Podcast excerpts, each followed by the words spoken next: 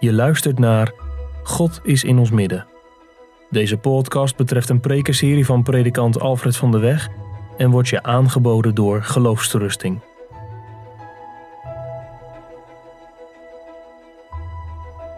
Ik heb er best mee gezeten. Kun je de prekenserie over de tabernakel doorzetten in crisistijd? En ik heb gebladerd, gezocht, gebeden wat te preken deze morgendienst. Uiteindelijk ben ik toch weer uitgekomen bij de prekenserie, omdat aan de orde van behandeling was doorgegaan. Dit lag open en ik heb me erover gebogen en ik heb me verrast en verbaasd en verwonderd over de actualiteit van dit gedeelte. En ik hoop dat u met mij hier en thuis diezelfde ervaring mag opdoen. Laten we daarom lezen uit de schriften Exodus 30, Exodus 30, vers 1 tot en met 10 en vers 34 tot en met 38.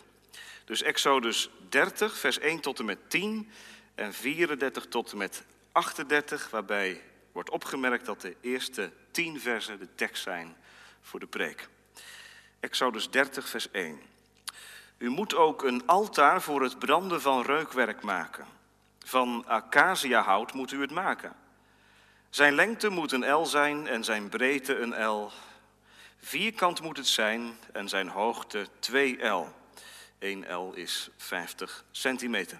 De bijbehorende horens moeten er één geheel mee vormen.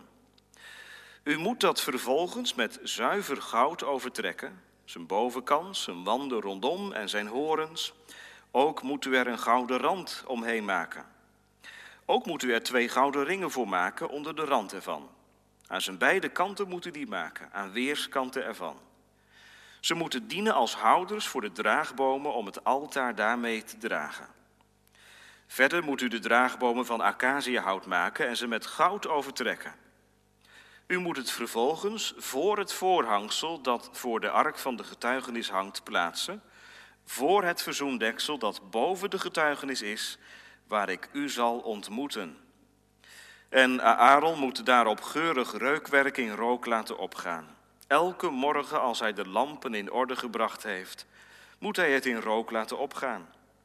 Ook als Aaron de lampen tegen het vallen van de avond zal aansteken, moet hij het in rook laten opgaan. Het moet een voortdurend reukwerk zijn voor het aangezicht van de Heere, al uw generaties door. U mag daarop geen ander reukwerk in rook op laten gaan, geen brandoffer of graanoffer, en u mag daarop geen plengoffer uitgieten. Aaron moet dan eenmaal per jaar aan de horens van het altaar verzoening doen met een deel van het bloed van het zondoffer ter verzoening. Eenmaal per jaar moet hij aan de horens verzoening doen, al uw generaties door. Het is allerheiligst voor de Here.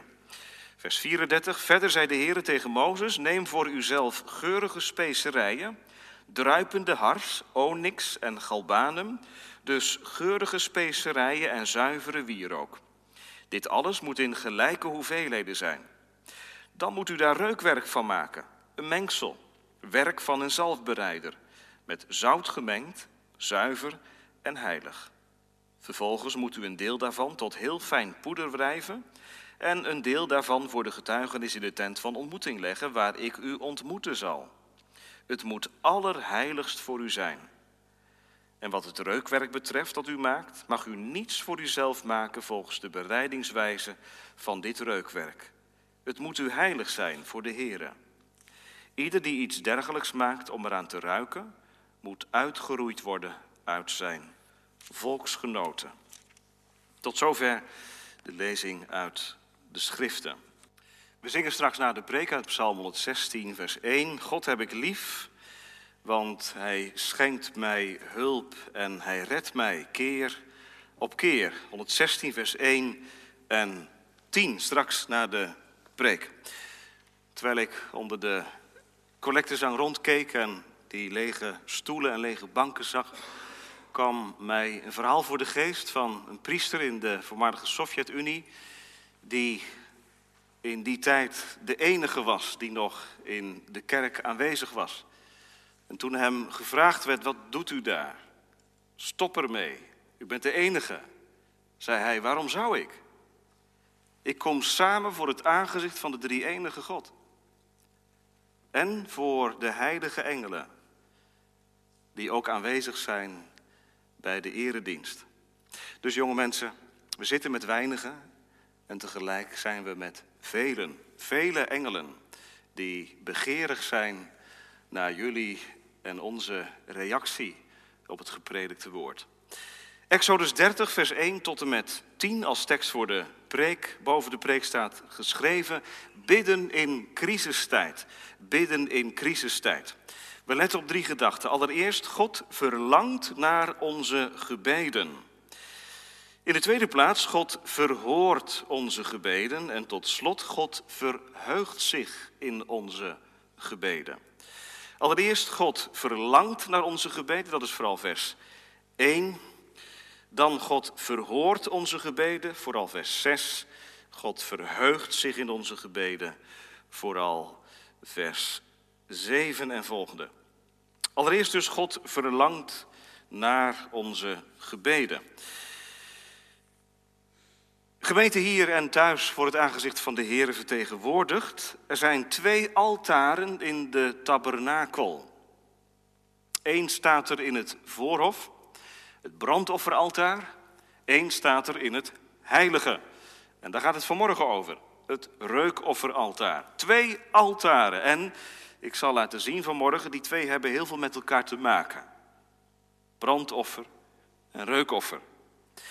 Het is heel opvallend dat als wij Exodus 30, de beschrijving van het reukofferaltaar lezen, dat de Bijbelschrijver inzet met het doel. Dat is een opvallend element als je het vergelijkt met de andere elementen van de tabernakeldienst. Daar gaat het niet meteen over het doel, maar wordt eerst omschreven hoe het eruit ziet, welke maten het heeft. Hier Kijk maar mee, in vers 1 staat meteen beschreven wat de functie is. En dat is niet zonder reden. U moet ook een altaar voor het branden van reukwerk maken. Nou, hebben we meteen duidelijk wat er gebeuren moet. Er moet net als op het brandofferaltaar iets verbrand gaan worden. Iets wat heerlijk ruikt. En ik vertel er meteen maar bij dat in de Bijbel, dat wist u misschien ook wel, we hebben het ook gezongen net, dat in de Bijbel het reukwerk verbonden wordt met het gebed. Psalm 141 is denk ik het bekendste voorbeeld. Laat het gebed als reukwerk voor uw aangezicht opstijgen. En dan zie je als het ware die, die rook opkringelen tot voor Gods aangezicht, tot in mensvormig gesproken, Gods neusgaten. Want wij lezen geregeld in de Bijbel over andere offers dat ze een lieflijke reuk waren voor de Heer. Goed, gebed en reukwerk. Dat hoort bij elkaar dus. En ja, ik hoop dat u meteen in deze verwondering mee kunt komen dat er een reukofferaltaar staat. Wat betekent dat, gemeente? Je zou kunnen zeggen, een brandofferaltaar, daar gaat het toch om. De verzoening, dat is toch het hart van de zaak. Hoe een verloren zondaar met God verzoend wordt. Daar gaat het toch om. dat eenzijdige godswerk in het leven van een zondaar. En weet je wat nou zo mooi is? Dat in de tabernakeldienst al is ingezet dat God niet een God alleen van de eenzijdigheid is. Hij verlost, hij redt zijn volk, maar ook van de wederkerigheid. Hij wil gebed ontvangen. God verlangt naar onze gebeden. U moet ook een altaar maken voor het branden van reukwerk. Ik wil gebeden zijn. Ik wil de stem van mijn volk horen. Ik wil een hart horen spreken. Stort voor mij uit uw hart. Oh, dat is in de Bijbel voortdurend. De taal. Kom over de brug, jonge mensen, met je gebed. Dat verlangt de Heer. Psalm 27. David zegt het tegen de Heer zelf. U zegt, zoek mijn aangezicht. Wel, Heer, ik zoek uw aangezicht, hier ben ik. U moet een altaar maken. Nou, er wordt ook bij verteld hoe dat altaar eruit ziet. Van acaciahout, met goud overtrokken. Het is een heel klein altaar geweest. Als u het bulletin hebt gelezen, dan hebt u het plaatje gezien, denk ik. En anders zoekt u maar een plaatje op straks. Een klein altaar, 50 bij 50, maar heel hoog. Het steekt omhoog. Het is als het ware een zuil, hè, zoals het doopvond hier. Een, een zuil die omhoog steekt. Alsof wij ertoe geprikkeld worden, gemeente, om omhoog te zien. Die zuil is hemelwaarts gericht. Verticaal. Bovenop vier hoornen. En dan een blad. Rondom een gouden krans. Een opstaande rand van goud. En helemaal bovenop een schaal. En daar kon het reukwerk in verbrand worden. Dat reukwerk moest trouwens aangestoken worden met heilig vuur. Wat betekent dat? Vuur is toch vuur? Nee, vuur is geen vuur. Je kunt op verschillende manieren iets aansteken. Het reukofferaltaar moest aangestoken worden met kolen van het brandofferaltaar. Dat is een beetje omzichtig. Misschien zegt iemand, nee, het is niet omzichtig. Dat is Gods instelling geweest. Brandofferaltaar en reukofferaltaar hebben relatie met elkaar. De priester moest van het brandoffer naar het reukofferaltaar. Mocht niet op zijn eigen manier dat reukwerk aansteken. Zoals wij thuis een kaars aansteken. De een doet het op zo'n manier, de ander op zo'n manier. Nee, op een bepaalde manier moet het gebeuren. Heilig vuur. En we weten allemaal, gemeente, wat er gebeurt als mensen het in hun hoofd halen om op hun eigen manier de Heeren te dienen. Denk eens even aan, aan Nadab en Abihu. Het vreemde vuur wat zij ontstaken en de straf van de dood die ze ontvingen. Heilig vuur. Het is een reukoffer voor God. God wilde dit. En ik leg nog eens een keer de nadruk erop vanmorgen. Zeker in deze crisistijd. God wil het gebed horen. Dat reukofferaltaar moet branden. Brandt het in jouw leven? Heb jij een reukofferaltaar? Waar staat dat? Beetje vreemde vraag. Nou, is het echt een vreemde vraag als je bedenkt dat het reukofferaltaar dus het symbool is voor het gebed? Waar is het reukofferaltaar? Ouders, waar staat het in onze gezinnen? Wat staat er centraal in ons leven? Waar cirkelt het om? Als je nou moet zeggen, nou het cirkelt om heel veel, en daar kom ik in deze crisistijd ook achter dat het om heel veel cirkelt, maar ik kom er ook achter dat het helaas niet cirkelt om Hem. Dan vraag ik u, dan vraag ik jou om Exodus 30, vers 1 nog eens een keer te lezen. U moet een altaar voor het branden van reukwerk maken. God verlangt naar jouw gebed. Al zou dit de eerste dag zijn in je leven. Dat je je hart voor de Heer uitstort.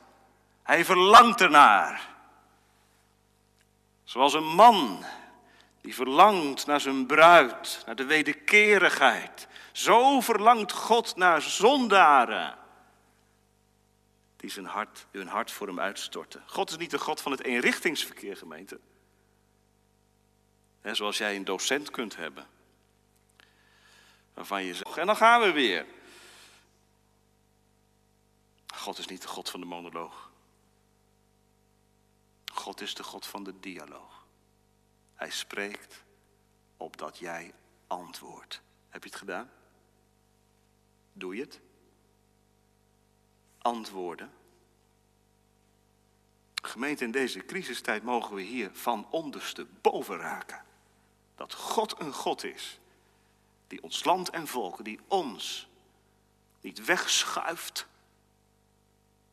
met een nog veel ergere plaag dan het coronavirus. Maar dat God de God is van barmhartigheid en genade en langmoedigheid. Die zegt, ik wil uw hart zien Kom over de brug. God is niet de God die zegt: Hier heb je me geboden, maak er maar wat van. Probeer christelijk te leven, aardig te doen voor je naaste. Maak er wat van, wees een licht. Nee, God is de God van de relatie. Al is die band kapot, al heb ik hem in zijn gezicht geslagen. God is de God van de relatie, die zondaren zoekt. Kom. Gemeente thuis en hier tegenwoordig. Waar is het reukwerk in ons leven? De wereld, naar een bekend woord van de theoloog Miskotte, is het gebied van de biddeloosheid. De wereld is het gebied van biddeloosheid. Nou, dan zou de kerk toch de plaats moeten zijn van het gebed. Handen vouwen in plaats van handen uit de mouwen. Nou, dat hoeft niet tegenover elkaar te staan hoor. Dat kan heel goed met elkaar op. Maar een christen weet wel dat als je je handen uit de mouwen doet, eerst de handen gevouwen dienen te zijn. Dat is een levensgeheim. Christus is niet allereerst een doener. Hij doet zoveel en zoveel goeds niet allereerst een prater, hij kan zo goed vertellen, maar is een bidder.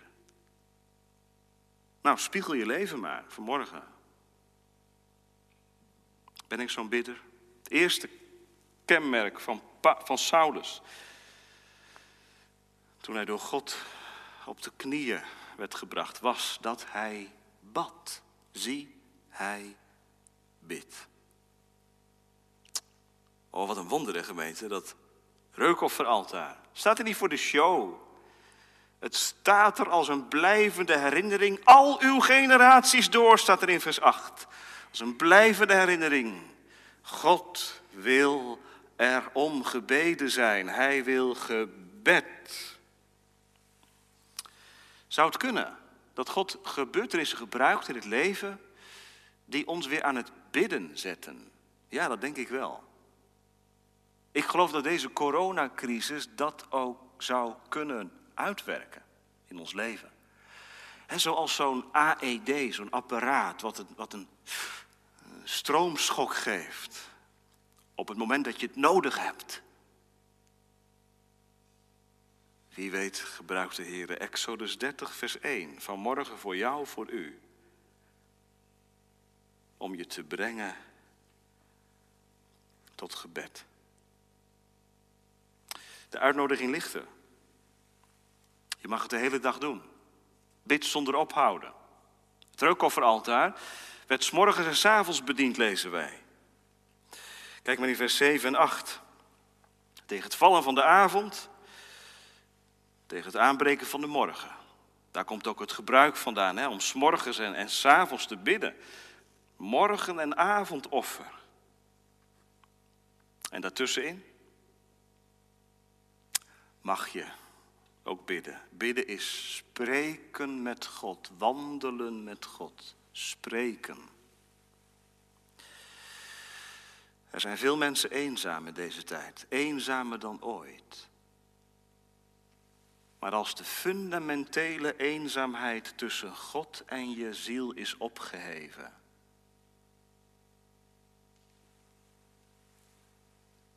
dan is er sprake van diepe gemeenschap. Gemeente, dat reukofferaltaar,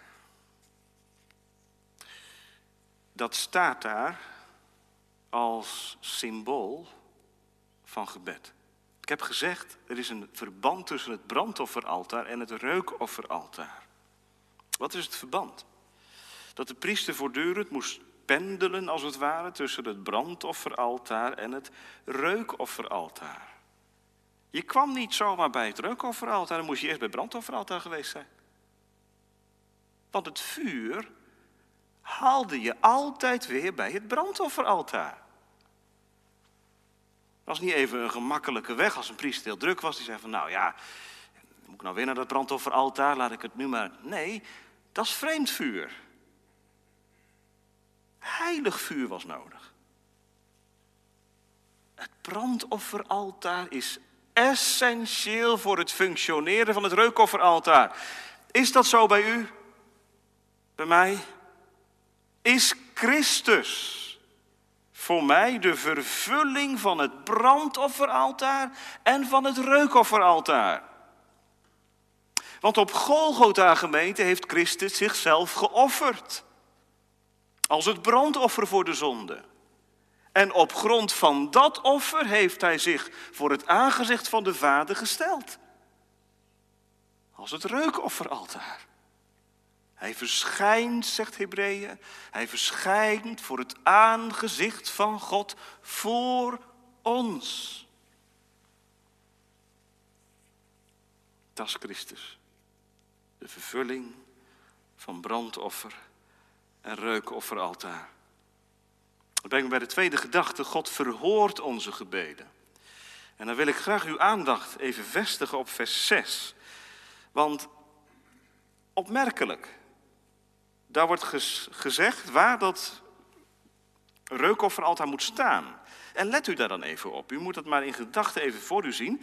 U moet het voor het voorhangsel, dus voor dat dikke gordijn wat scheiding maakt tussen het heilige en het heilige der heiligen, werd het reukofferaltaar geplaatst. In het midden.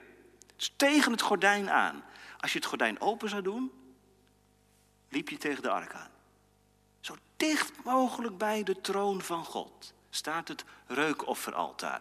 U moet het, vers 6, voor het voorhangsel dat voor de ark van de getuigenis hangt plaatsen. Voor het verzoendeksel dat boven de getuigenis is, waar ik u zal ontmoeten. wat gebeurde er nou, gemeente? Als een priester met het vuur van het brandofferaltaar kwam en het reukofferaltaar aanstak met die heerlijke kruiden. Ik hoop daar straks nog iets meer over te zeggen. En die geur, die kringelde, de rook kringelde op, omhoog. En de geur, die vervulde de hele ruimte. En die, die rook, die kringelde als het ware onder het gordijn, tussen het gordijn door, richting de ark. De troon van God. Ik kwam in de voorbereiding erachter dat in Hebreeën 9, vers 4 de plaatsing van het reukofferaltaar in het heilige der heiligen wordt gezet. Is dat een foutje? Het reukofferaltaar staat toch in het heilige? Het staat hier, voor het gordijn. Nou, lees de Hebreeën 9, vers 4, maar daar staat dat het in het heilige der heiligen staat. Ja, dat kan niet. Het staat of ervoor, of erachter, zegt iemand. Ja, dat is logisch, hè? Daar kunnen wij niet meer overweg. Of het een of het ander. Nee, het is allebei waar. Het is allebei waar. Het is geen fout. Het is een benadrukken van de plaatsing. Door de Hebreeënbriefschrijver. Want die geur, die kwam zo dicht bij de ark. Trek de lijn maar door. Het gebed wat op aarde plaatsvindt, gemeente, dat komt tot in de hemel. Onvoorstelbaar, hè? Waar is de hemel? Dat is niet in afstanden te zeggen. De hemel is een andere werkelijkheid, een andere plaats. Jouw gebed, jongen, jouw gebed, uw gebed op aarde. Wat kun je eenzaam voelen? Alleen, verstoten, verlaten, aangevochten. De Heere zegt vanmorgen tegen u middels Exodus 30, hoor, het reukofferaltaar brandt. De gebeden kringelen omhoog als het ware. En ze komen voor de troon van God, echt waar. Het reukofferaltaar staat haast tegen de ark aan. Gemeente, als Christus de vervulling is van het reukofferaltaar mogen we zeggen dat Hij voor de troon van God staat. Zonder gordijn. Hij is door het voorhangsel heen gegaan. Met zijn eigen bloed rechtstreeks naar de troon van God. Waar ik zou sterven vanwege mijn ongerechtigheid. kon Christus op grond van zijn gerechtigheid, op grond van zijn borgwerk, voor het aangezicht van de Vader verschijnen voor mij. Geen gordijn hield hem tegen. En voor het aangezicht van de Vader is hij voorspraak. Ja, hoe weet je nou dat je gebed verhoord wordt? Omdat Christus voor God staat. Waarom bid jij altijd om Jezus wil? Is dat een stoplap? Nee, dan mag je bedenken, mijn gebeden, zo onvolmaakt als ze zijn, wat een gestotter, wat een gestuntel, wat een gestamel. Stamel, hebt u dat ook? Als je, als je naar je eigen gebed kijkt, denk je, wat, wat stelt het toch allemaal voor, hè? Een woordenbrei soms. Een herhaling van zetten. Dat voel je onmachtig. En dan om Jezus wil. Oh God, is het echt waar? Mijn gebed om Jezus wil? Ja. Want die priester, hè, die priester, die het heilige binnenging, via het brandofferaltaar naar het reukofferaltaar. Die priester had op zijn, zijn borstlap de twaalf stammen van Israël staan. Hij ging dus niet alleen, maar hij ging als middelaar naar binnen. Het volk bleef buiten staan. Dat zie je bijvoorbeeld in Lucas 1, waar Zacharias naar de dagorde priester is. Ten uren van het reuk van het gebed bij het reukofferaltaar staat. Het volk staat buiten. Zacharias bidt, het volk hunkert naar het moment dat Zacharias naar buiten komt en de zegen geeft zie je dus dat de priester de bemiddelaar was tussen het volk en God. Ja, zegt iemand. Zijn volk. Voor mij? Ik ken die tekst wel, die in de Hebreeën staat. Alzo hij leeft om voor hen te bidden, maar dat gaat over Gods volk, daar hoor ik niet bij. Ja, wie zijn dat? Wie horen bij Gods volk? Wat zijn het voor mensen? Dat zijn mensen die als verloren zondaar de route meelopen. Via het brandofferaltaar, als een schuldige aangekomen zijn bij het brandofferaltaar. Hun zonde beleden hebben. En op grond van het verzoeningswerk en op grond van dat werk alleen tot God gaan. Niet door rechtvaardige daden, maar door het bloed van het lam. Niet op grond van mijn werk, maar op grond van zijn werk. Ben je meegelopen? Als dat al niet gebeurd is, als je niet meegelopen bent. Als je jaar en dag kerkganger bent. Je staat erbij, je kijkt ernaar. Terwijl het brandofferaltaar rookt. En Christus zichzelf borg stelt voor zondaren Oh, wat een schuld laat je op je. Als je denkt te kunnen bidden zonder Christus. Hem heb je nodig. En hij is er. Het volk wat niet naar binnen mocht, moest het helemaal hebben van de priester. Ben je ook zo iemand? Ik kan niet zomaar naar God. Ik moet het hebben van de voorspraak, van de middelaar. Mijn verlosser, mijn middelaar. Enige voorbidder en voorspraak. Op hem mag je vanmorgen je hoop vestigen, gemeente. En zonder zijn werk zou het gebed helemaal niet kunnen functioneren. Dan zou het inderdaad een riedel worden. Maar nu hij op grond van zijn eigen werk bij de Vader gekomen is, hunkert hij naar de stem van jou. Spreek, klaag, jubel, beleid, loof. Hij is het waard. Daar komt iemand aan. Hoe is het mogelijk? door de verse en levende weg komt hij voor het aangezicht van de Vader. Hij stopt niet, maar hij gaat door tot het vaderhart.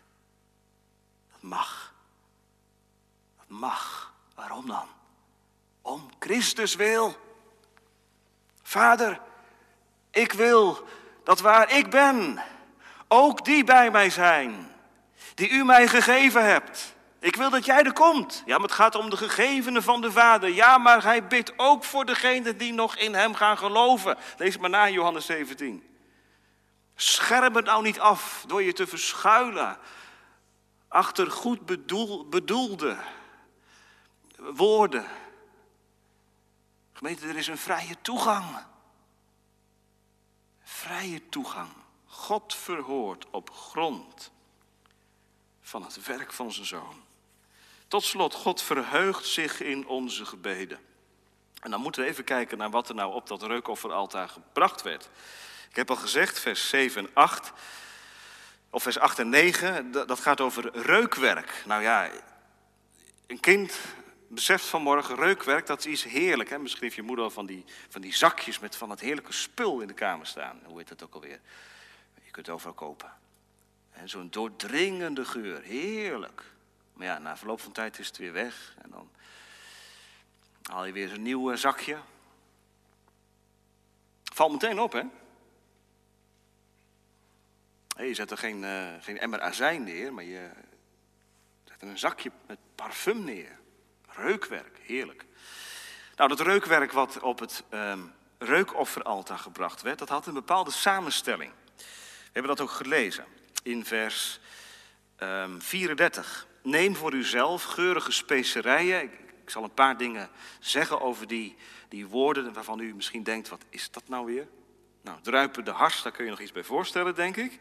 Dat krijg je als je een boom kerft, hè, dan komt er hars uit. Een wat stroperige substantie die, die heerlijk geurt. Onyx, dat is waarschijnlijk de schaal geweest van een schelpdier. En die schaal werd verpulverd. En dan bleef er een soort poeder over. Galbanum, dat is waarschijnlijk een soort gom geweest. Wat zorgt voor een, uh, een soort samenstelling met, met die harsen en met die onyx. Een soort gom wat hecht en wat ook heerlijk geurde. En dan de wier ook nog. Nou, dat was ook heerlijk. Die vier elementen die werden dooreen vermengd.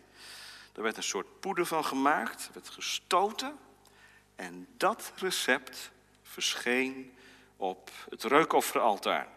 De Heer noemt het in vers 36 allerheiligst. Je mocht dit dus niet gebruiken voor huiselijke gelegenheden. De priester mocht niet zeggen van nou, eh, ik neem wat mee en ik zorg dat ik het... Nee, het was alleen bestemd voor het reukofferaltaar. Het gebed wordt dus gezien als een geurend offer. Wat naar boven steeg. Het gebed als een offer.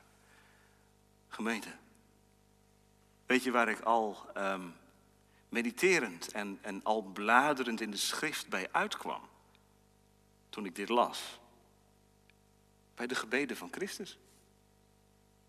Weet je wat van de gebeden van Christus staat geschreven? Hebreeën 5, vers 7.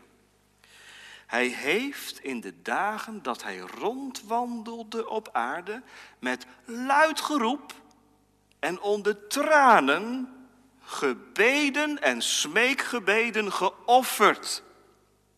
Aan hem die hem uit de nood kon verlossen. En hij is uit de angst verhoord. Hoor je dat? Christus heeft geofferd. Hoe dan? Gebeden geofferd. Waar? In Gethsemane. Kruipend als een worm door het stof heeft hij gebeden. Heeft hij gesmeekt. Denk aan het gebed aan het kruis. Vader, vergeef het hun. Mijn God, waarom hebt u mij verlaten? Hij heeft gebeden geofferd. En denkt u niet dat deze gebeden als een heerlijke geur voor God zijn geweest? Gemeente, wie kon er nu volmaakter bidden dan hij? Zijn gebeden, die waren volmaakt. Zijn smeekgebed, zijn geroep, zijn gezucht ook, was heerlijk voor de Vader. Wat een rijke tekst in deze lijdenstijd. Christus heeft, en dan hoop ik dat je vanmorgen zegt, voor mij smeekgebeden geofferd. In de angst verzocht geweest. Gemeente, we leven in quarantaine. Misschien gaat het nog wel veel, veel heftiger worden. Nu is er al afstand. Misschien wordt het nog wel heftiger. Moeten we totaal binnen gaan blijven? Lockdown. Weet je wie er door die lockdown heen komt? Christus. Christus. Wanneer in een huis in Apeldoorn in Nederland gebeden geofferd worden, is dat een heerlijke geur. En komen ze daar waar ze zijn moeten, voor het aangezicht van God. God verheugt zich erin. Zoals jij het heerlijk vindt als je moeder een heerlijke geur in de kamer of de keuken heeft hangen. Zo is het in de hemel ook. Weet je trouwens dat de gebeden van de heiligen in Openbaring 5 het reukwerk genoemd worden? De gebeden van Gods vervolgde kerk. De angstkreten. Hebt u misschien ook wel, hè? Angst. Waar gaat het naartoe? Denk nou niet dat bidden alleen maar is mooi bidden. De goede woorden vinden. Weet je dat de angstkreet van Heman net zo heerlijk geurde als de jubel van David? God verheugt zich in onze gebeden. Ah, dominee, mijn gebeden Je kinderen hebt gekregen van de Heer,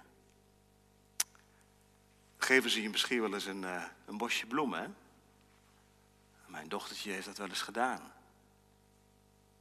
Een bosje bloemen gegeven. Ja, die dat had ze natuurlijk niet bij de, bij de bloemisterij, dat begrijpt u wel. Hoe gaat dat? Nou, er wordt van alles geplukt. Het is een prachtig samengesteld boeket. Wat zeg je dan als vader of moeder? Nou, dit kan de, de ijs niet doorstaan. Gras zit erin, paardenbloemen, klimop. Dat is natuurlijk geen bosbloemen. Ach, wel nee, je neemt het met dankbaarheid aan. Lieverd, bedankt. En je gaat het zelf niet schikken, maar je zet het in de vaas. Kijk, dat heb jij mij gegeven bedankt. Of, ander voorbeeld. Een kind kan wel eens in het hoofd krijgen om een brief te schrijven. Nou, dat kun je in deze tijd heel goed doen. Hè? Als kind een brief schrijven naar bijvoorbeeld je opa of je oma of iemand anders in de gemeente die eenzaam is. Schrijf maar eens een brief vandaag. Nou, ouders, hoe doen uw kinderen dat? Op hun manier toch? Twee zinnetjes, Drie woordjes. En ja, vanuit ons perspectief markeert er van alles aan. De D en de T verwisselt, een E te veel, enzovoort. En wat als die brief verzonden wordt? En opa ontvangt die brief. Nou, ik weet zeker dat opa dolblij is als hij een brief van zijn kleinkind krijgt, zeker in deze tijd. En hij, hij leest die brief of hij leest die kaart. En hij gaat niet sikkeneuren over die fouten. Maar hij neemt met dankbaarheid die brief aan. En hij belt je misschien wel. Gemeente, onze gebeden zijn als die samengestelde boeketten. Waar het onkruid nog in zit. Onze gebeden zijn als die kaarten. Met niet lopende zinnen. En woorden die niet kloppen. Het is niet perfect. Opa verheugt zich in die niet perfecte kaart. En vader verheugt zich in dat samengestelde bosje onkruid. En de hemelse vader verheugt zich in het gestamel van zijn kinderen. Het gaat niet om het perfecte. Het gaat om het reukwerk, het gebed. Ja, maar dat reukwerk in Exodus 30, dat is toch wel heerlijk geuren. Dat klopt helemaal. Wat gebeurt er met onze gebeden, gemeente? Onze gebeden gaan niet perfect richting God, om het zo te zeggen. Maar ze worden gezuiverd en geheiligd door het voorbiddende werk van Christus. We leven in coronacrisis. Eenzaamheid, afzondering, sociale afstand. Misschien mis je je vriend dan wel. Wat te doen in crisistijd? In Psalm 102 staat dat God zich wendt tot het gebed van de eenzame, wiens hoop en verwachting op de Heere is, die het reukwerk van de gebeden op Gods barmhartigheid neerwerpt, via het brandoffer naar het reukofferaltaar. Terwijl er afstand is tot en met met deze en gene, nabijheid door de Heilige Geest en om Christus wil. O, wat is een Christen gelukkig en rijk. Ben je? Bent u er een? De wereld is in paniek. Hoe moet jij vertrouwen uitstralen? Dat kan een reële vraag zijn. Hè? Wat, wat, wat maakt nou het verschil in deze crisis tussen een, tussen een christen en een, en een niet-christen?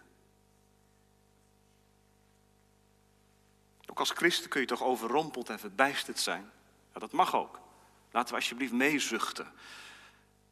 Sympathiseren zoals Christus dat deed. Met zwakken en ook met de buurman, die misschien in paniek is. Maar wat is nou het verschil tussen een christen en een niet-christen? Een christen weet, ik lig voor rekening van hem, die zichzelf gegeven heeft in mijn nood, in mijn crisis, de grootste crisis van het leven, bezworen heeft.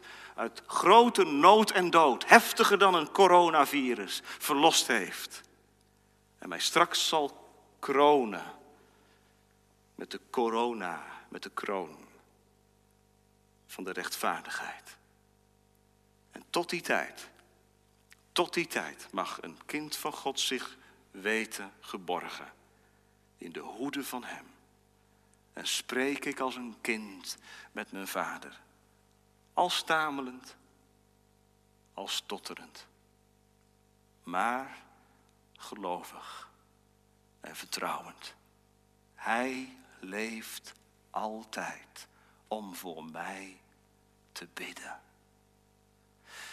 Nou, als dat je hart raakt, dan begrijp je de dichter van Psalm 116. Die God heb ik lief. Hij hoort mijn stem, mijn smekingen, mijn gebeden. En Hem dank ik tot in eeuwigheid. Amen.